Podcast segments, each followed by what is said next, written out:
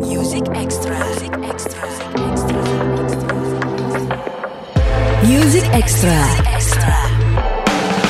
Pokoknya setiap yang ketemu sama Bagas, ya, Bagas Idol cilik ya? Oh udah gede ya?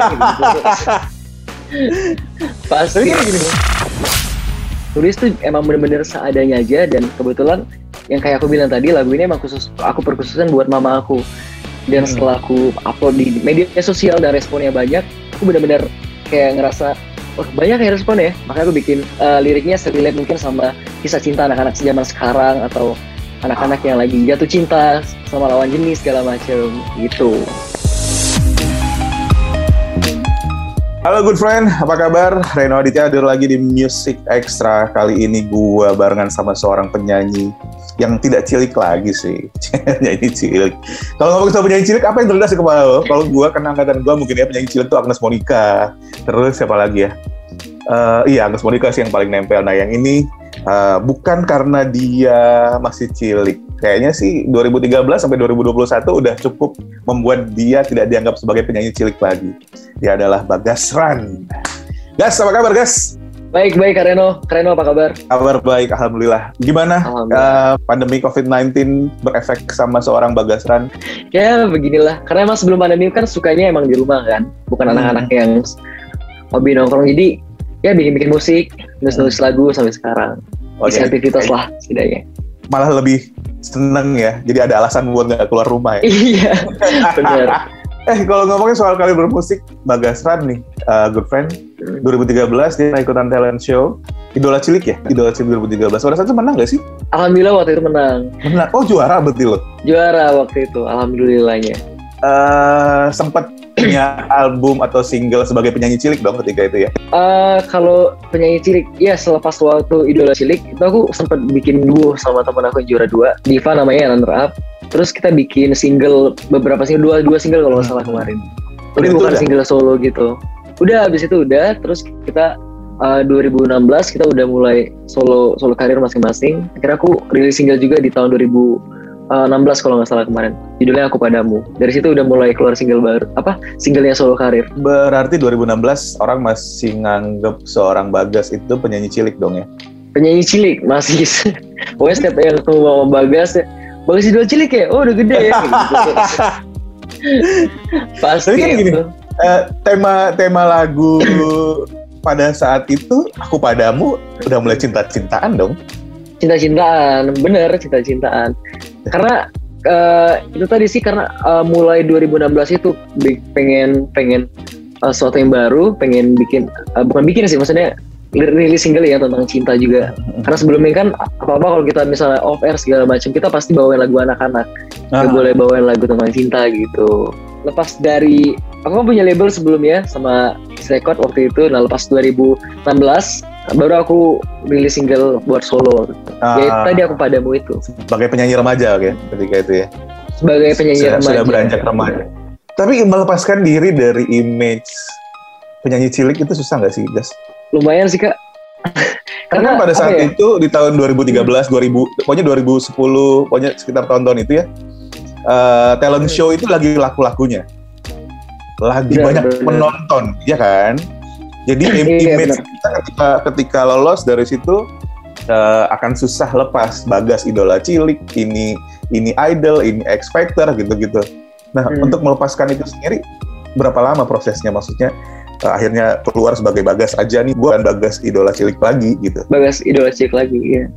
Sebenarnya buat ngubah image Bagas idola cilik itu agak agak sulit sebenarnya. Makanya mulai dari dua- 2016 kemarin kan aku udah udah ganti nama jadi Bagas Ran Hmm. kan. Sebelumnya kan Bagas doang atau Bagas dikenal sama Bagas idola cilik. Nah dari 2016 itu aku udah bener-bener pengen ngubah image aku dari Bagas idola cilik jadi Bagas yang sekarang. Bagas Ran yang bisa bawakan lagu cinta, yang dulunya cuma sekedar bisa bawa lagu anak-anak. Mulai 2016 dengan gantinya nama Ran itu pengen ngubah image jadi Bagas yang sekarang gitu loh. Tapi masih ada, masih ada aja yang setiap ketemu Bagas, Bagas idola cilik kayak aku bilang tadi, tetap nggak bisa nggak bisa lepas dari image tersebut. Agak agak sulit sebenarnya, tapi ya mudah-mudahan pelan-pelan bisa lah. Aku tuh pengennya sekarang eh, Bagas yang bisa punya lagu sendiri, bisa bisa penyanyi yang dikenal bisa nulis lagu sendiri segala macam lah gitu. Jangan Bagas idola cilik lagi sebenarnya sekarang ini. pengennya gitu Cuman tapi emang butuh waktu ya. sih butuh waktu Butuh waktu. harus ada pembuktian dulu betul. Kecil terus ya. Tapi itu tadi, a good friend, namanya berkarir kan selalu ada fase-fasenya. Apalagi memulai karir Hmm. dari masa kecil. Waktu ikutan idola cilik umur berapa? Umur 13 kak. 13 tahun. 13. 13 tahun. Sebenarnya sih udah nggak kecil-kecil amat sih ya. Maksudnya eh Eh sorry kak, setahun 12 lagi. tahun waktu itu. Oh, umur 12, 12 masih kelas 6 SD Karena berarti. batas batasnya waktu itu dua batasnya cuma 12 tahun yang bisa ikutan. Kebetulan kita selesai Hmm. Idola Cilik kan kemarin cuma sampai April kan. Aku ulang tahunnya bulan Mei waktu itu. Jadi ada Ah, Masih masih iya, 12 tahun. masih nih. pas lah 12 tahun iya dihitungnya. Iya, iya, iya. Sebenarnya sih nggak, iya sih. Eh, kalau cowok tuh beda sama cewek ya. Kalau cewek umur 14, umur 15 nya udah kelihatan dewasa. Hmm. 16 tuh kadang-kadang, hah? Hah, umurnya 16 tahun, kirain 20 gitu. Karena kan dandanan dan lain sebagainya. Tapi kalau cowok kan Iya, nggak. iya. Umur 19 kadang-kadang mukanya masih SMP, masih muka-muka SMP segala macam. Makanya agak susah ngelepas image-nya.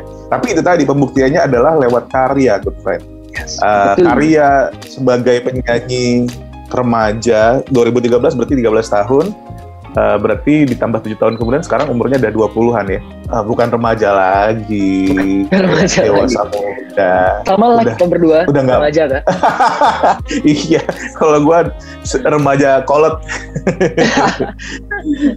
Nah uh, pembuktiannya adalah karya makanya salah satu alasan Bagas berkarya di umur 20-an mungkin concernnya udah nggak nggak ngelepaskan diri dari image lagi tapi lebih ke pembuktian kalau gua adalah seorang penyanyi yang konsisten gitu ya guys ya Betul. Benar-benar. Karya terbarunya Bagas itu berjudul Cinta Terakhirku dan sekarang udah Cinta boleh terakhirku. uh, bikin lagu yang bertemakan soal cinta. Nah, kita ngomongin soal soal bagaimana seorang Bagas bikin karya. Karena tadi sempat Bagas bilang kan nulis lagu sendiri, ya nggak sih? Nulis Iya. lagu sendiri. Pastinya ada ada yang mempengaruhi seseorang ketika berkarya. Karena kita tahu zaman sekarang nggak ada lagi yang namanya karya orisinil dalam artian uh, semua karya itu pernah ada, tinggal semuanya dimodifikasi aja, tinggal semuanya Iya, saling iya. menginspirasi aja gitu. Kalau Bagas sendiri di umur yang sekarang, Hmm. kalau beda nggak sih eh, panutannya gitu dalam bermusik ketika masih di idola cilik sampai sama dengan umur sekarang gitu? Eh, maksudnya untuk untuk apa nih kak? Ya role model dalam bermusik yang didengerin Oh. influence-nya gitu. Role model, oh kalau dari kecil aku memang dari dulu suka kayak Afgan, Judika. Kalau dari Indo lebih lebih suka yang Hmm. ya kayak gitu sih sebenarnya lagu-lagu Hmm. melodi. Jadi sampai sekarang tuh aku lebih suka lagu-lagu yang kayak emang arah arah genre aku sekarang ke pop ballad kan. Jadi sukanya emang lagu tentang tentang patah hati segala macam kayak gitu. Ah, Oke. Makanya aku pengen nuangin karya-karyaku juga yang ya kayak kayak beliau tersebut role model yang aku suka. Jadi kayak Oke. lebih lebih karena aku dulu kan kalau nyanyi kan lagu tentang cintanya yang ngebeat segala macam. Tapi sekarang eh, pengennya yang sesuai sama aku suka aja sih. Karena ketika nyanyi lagu tentang patah hati kan tuh lebih lebih dapat feelnya juga ketika nyanyi. Karena emang suka arahnya ke sana kan. Gitu. kan sekarang kita ngomongin musik Indonesia saat ini kan kaya banget ya lagi lagi lagi tajir tajirnya nih musik Indonesia dengan berbagai genre penyanyi penyanyi bagus itu kayak udah nggak kehitung lagi kalau rajin-rajin browsing cari-cari di uh, digital music platform pasti nemu aja penyanyi Indonesia yang bagus banget setiap harinya. Genrenya pun gitu dari yang pop biasa sampai yang yang dulu mungkin nggak diterima sama pendengar musik Indonesia ketika dirilis yang dengerin bakal dikit sekarang malah sebaliknya gitu. Setiap Balik. setiap karya itu kayak pendengarnya itu pasti gede banyak banget. Nah ketika uh, mutusin buat ada di jalur pop ballads atau Fox gitu-gitu kamu sempet kayak riset dulu nggak sih? Atau udahlah Enggak. gua maunya kayak gini. Aku bener-bener yang kayak ya pure aku bener-bener pengen nulis lagu ya buat buat aku dan pengen dipendengarkan ke orang lain sih kak. Jadi ada yang yang yang suka alhamdulillah ada yang nggak suka juga. Karena kita nggak bisa bikin orang suka juga kan sama karya kita. Jadi ya keluarin aja lah. Yang penting kita setidaknya tahun ini bisa ngeluarin karya yang bisa diperdengarkan ke orang-orang gitu aja sih kak Ah, Ada iya, iya, 100 iya. orang yang denger aja kita tuh udah kayak ngerasa bangga banget karena ini karena ini karya kita yang kita tulis sendiri gitu. Kan suatu kebanggaan juga buat kita. Jadi nggak ada riset sama sekali. Kirain kayak eh, kan ada ya namanya berkarya ada dua pilihan kan. Berusaha tampil dengan ah bukan idealisme. Kalau idealisme itu semua orang punya idealisme. Dengan apa yang dia Iya, mau atau berusaha mengikuti selera kebanyakan gitu. Makanya kadang-kadang ada Hmm. orang kenapa sih lo bikin lagu ini? Ya karena saat ini yang lagi laku yang seperti ini nih gitu. Sementara Iya. kalau buat Bagas sendiri ya kayak emang apa pengennya mengeluarkan Iya. yang seperti ini. Jadi jadi ya udah gitu kan. Nah, Betul. Kalau ngomongin soal cinta terakhirku sendiri, Gas, ini dibuat kapan sih? Lagu Oh, lama kalau cinta terakhirku ini baru? ini aku bikin tuh sebenarnya di bulan Desember kemarin kak tahun kemarin jadi pas di hari ibu kan waktu itu ada ada hari ibu kebetulan teman-teman udah ngepost aku nggak tahu tuh kalau itu hari ibu kan? Teman-teman pada ngepost di medsos tentang ibu segala macam. Nah aku tuh pengen ngasih surprise itu loh buat mama. Pengen bikin lagu Eh, di hari itu juga pengen ngupload di, di Instagram gitu loh, tentang hari ibu itu. Cuman karena aku juga baru belajar nulis kan jadi aku tunda dulu. Akhirnya Mhm. sempat ngepost di bulan Januari 2021 kemarin. Lagu ini Oke. lagu cinta terakhirku ini. Akhirnya respon dari followers followersku pada suka dan aku ajuin ke label di diseriusin jadi single ini cinta terakhirku ini. Nah, kalau ngomongin lagu cinta terakhirku, berarti Hmm, yang awalnya buat ibu, ketika dirilis ada yang berubah dong. jadi bener di awal kan lagu ini emang aku tulis ke buat ibu dan karena aku sempat post juga di TikTok dan yang pakai Hmm. sound di TikTok itu kebanyakan cewek ke cowoknya Nah, jadi padahal aku bikin lagu ini kan misalnya si cowok buat si cewek. Lagu ini emang khusus buat Hmm. cewek sebenarnya. Cuma karena banyak yang pakai cewek ke cowoknya, aku bikin uh, liriknya seuniversal mungkin. Jadi dari, dari wanita aku Oke. ganti jadi manusia. Jadi bisa pakai sound ini ke Oke. siapa aja. Bisa buat pacar, orang tersayang, mama segala macam gitu. Oke, nice. Jadi sebenarnya gini kan, good friends, lagu adalah hal yang universal. Tapi kadang-kadang Hmm, sebuah lirik dibuat itu punya dua arti. Dua arti dalam artian arti buat sang pencipta, orang yang membuat lirik tadi, sama arti buat orang yang mendengarkan. Ya kan, benar nggak guys? Sebagai sebagai Betul. penulis lagu, betul. seperti itu nggak sih yang dirasain? Ketika bikin satu lagu, sebenarnya niatnya Bagas eh, adalah untuk hal tertentu, tapi kadang-kadang eh, Betul, betul. Menangkapnya hal lain gitu. Nah, Iya benar-benar. benar. sebagai orang yang nulis liriknya sendiri gitu, kebanyakan kan eh, menuangkan isi kepala. Gimana sih cara seorang Bagas untuk bisa kayak gimana ya bahasanya? eh, membuat apa yang di kepala itu bisa diterima sama orang lain karena kan nggak semuanya yang yang kita tuangin itu akan akan diterima pada akhirnya sama orang-orang ukuran diterima atau Hmm. enggaknya ketika orang bisa menikmati lirik tadi ketika orang sudah Benar-benar. berkomentar di eh, udah menggunakan lagunya buat background di sosial media di TikTok, Reels dan lain sebagainya atau orang suka nontonin di YouTube atau dengerin berarti pesan yang pengen disampaikan sama Bagas sebenarnya nyampe kan ke mereka untuk bisa Benar-benar. tahap sampai ke situ tuh gimana sih guys? Ah itu tadi sih kak, aku kan nulis uh, baru-baru ini kan, jadi nulis tuh emang bener-bener seadanya aja dan kebetulan yang kayak aku bilang tadi lagu ini emang khusus aku perkhususan buat mama aku dan Hmm. setelah aku upload di media sosial dan responnya banyak, aku bener-bener kayak ngerasa oh banyak ya respon ya, makanya aku bikin uh, liriknya serelate mungkin sama kisah cinta anak-anak zaman sekarang atau anak-anak yang lagi jatuh cinta sama lawan jenis segala macem gitu. Eh, gue gue lagi ngeliatin uh, list lagu lo yang udah dirilis Oke. di Digital Music Platform. Ada lima lagu kurang lebih kan. Cinta Begitu, Lelah Menanti, Ramadan Bulan Kemenangan, Takkan Bisa Bersama, dan juga Cinta Terakhirku. yang jadi lagu ketika lo masih penyanyi cilik yang mana sih? Aku Padamu ya, 2016 ya. Aku padamu ya, aku padamu. Lagi-lagi kamu udah dewasa sih 2019. Nah, Padamu ya. Ah, proses bermusiknya Bagas bikin lagu kan berarti nggak cuma sekali merilis single juga eh, nggak cuma sekali ada yang Hmm. berubah nggak sih seiring dengan bertambahnya umur gitu dari cara Eh. menulis dari sudut pandangnya gitu-gitu. mungkin dari eh apa ya lagu kali kayak. Karena aku lagu sebelum sebelumnya itu lagunya ngebeat kan ya tentang Hmm. pandangan pertama. Dan mulai dari 2020 kemarin pas lagu cinta begitu itu lagunya udah udah melo tuh. Kayak yang aku aku bilang tadi yang aku suka. Ini eh, genre aku banget yang kayak gini nih nah dari situ aku ngerasa ya itu tuh mulai bedanya di situ. Dimulai cinta begitu lelah menanti takkan bisa bersama sama yang cinta terakhirku ini. Itulah fase fase selanjutnya dari karir bermusik Bagas gitu ya. Bukan karir bermusik Hmm. kayak karakter bermusiknya gitu ya. Nah cinta Nah. terakhirku udah dirilis eh, udah bisa dinikmati di berbagai digital music platform good friend. Cara menginterpretasikannya itu tadi bebas. Siapa aja boleh mengartikan Bebas, karya bebas. ini yang penting bisa menikmatinya dengan baik. Tapi pertanyaan lainnya adalah setelah ini apalagi sih yang bakal seorang Bagas lakukan? Karena kan namanya penyanyi Ah, kan ah. nggak cuman mau merilis satu dua lagu aja. Se kalau kalau misalnya berhayal nih gas kayak bukan berhayal rencana jangka panjang gitu sebagai seorang penyanyi udah kepikiran mau ngapain setelah ini Wah aku dari dulu aku punya cita-cita pengen itu sih maksudnya bikin konser sendiri terus dengan membawakan lagu-lagu yang aku tulis terus penonton-penonton pada nyanyiin itu udah salah satu cita-cita aku juga. Mungkin kalau untuk sekarang sih aku tuh pengennya bikin album sih kak. album ya pasti Album ya. Pastinya album itu cita-cita semua musisi kayak. Jadi ya aku tuh udah punya planning sama uh, label kita bakal bikin album. Cuman kita rilisnya satu persatu gitu loh kak. Jadi satu tahun tiga bulan tuh satu single segala macam gitu.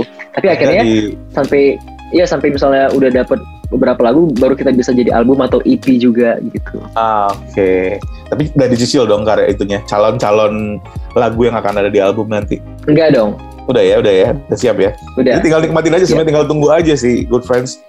Dan satu lagi sih sebenarnya yang jadi bikin gue yakin nih, yang bikin semangat Hmm. seorang musisi, seorang seniman berkarya adalah ketika karya karyanya diapresiasi, didengerin, dikomentarin ya nggak sih? Dikomentarin. Kalau untungnya zaman sekarang ya masih ada sih pembajakan itu masih masih ada nggak bisa hilang. Dipakai untuk jadi bagian dari hidupnya bagian dari hidup kita sekarang kan adalah sosial media. Kita post hal-hal yang menyenangkan, pokoknya hal-hal yang uh, memorable di sosial media. Dengan ketika ketika lagu Cinta Terakhirku potongannya dipakai di TikTok gitu. Gimana sih rasanya ketika dengar itu? Aduh, seneng banget kak.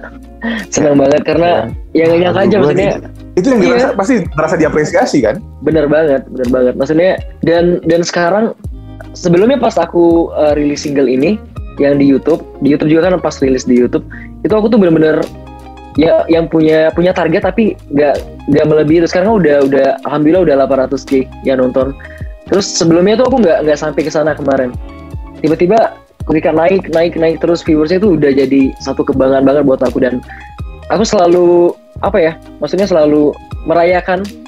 Misalnya viewersnya segini aku merayakan terus aku upload di medsos. Saking senengnya aku dapat respon bagus dari mereka seseneng itu mereka. Dan lihat dari komentar dari mereka juga yang entah kenapa aku setiap denger lagu ini nangis. Terus relate juga sama mereka gitu-gitu. Jadi eh, happy banget lah. Itu apresiasi yang luar biasa lah dari mereka. Segampang itu good friends. Beneran nih.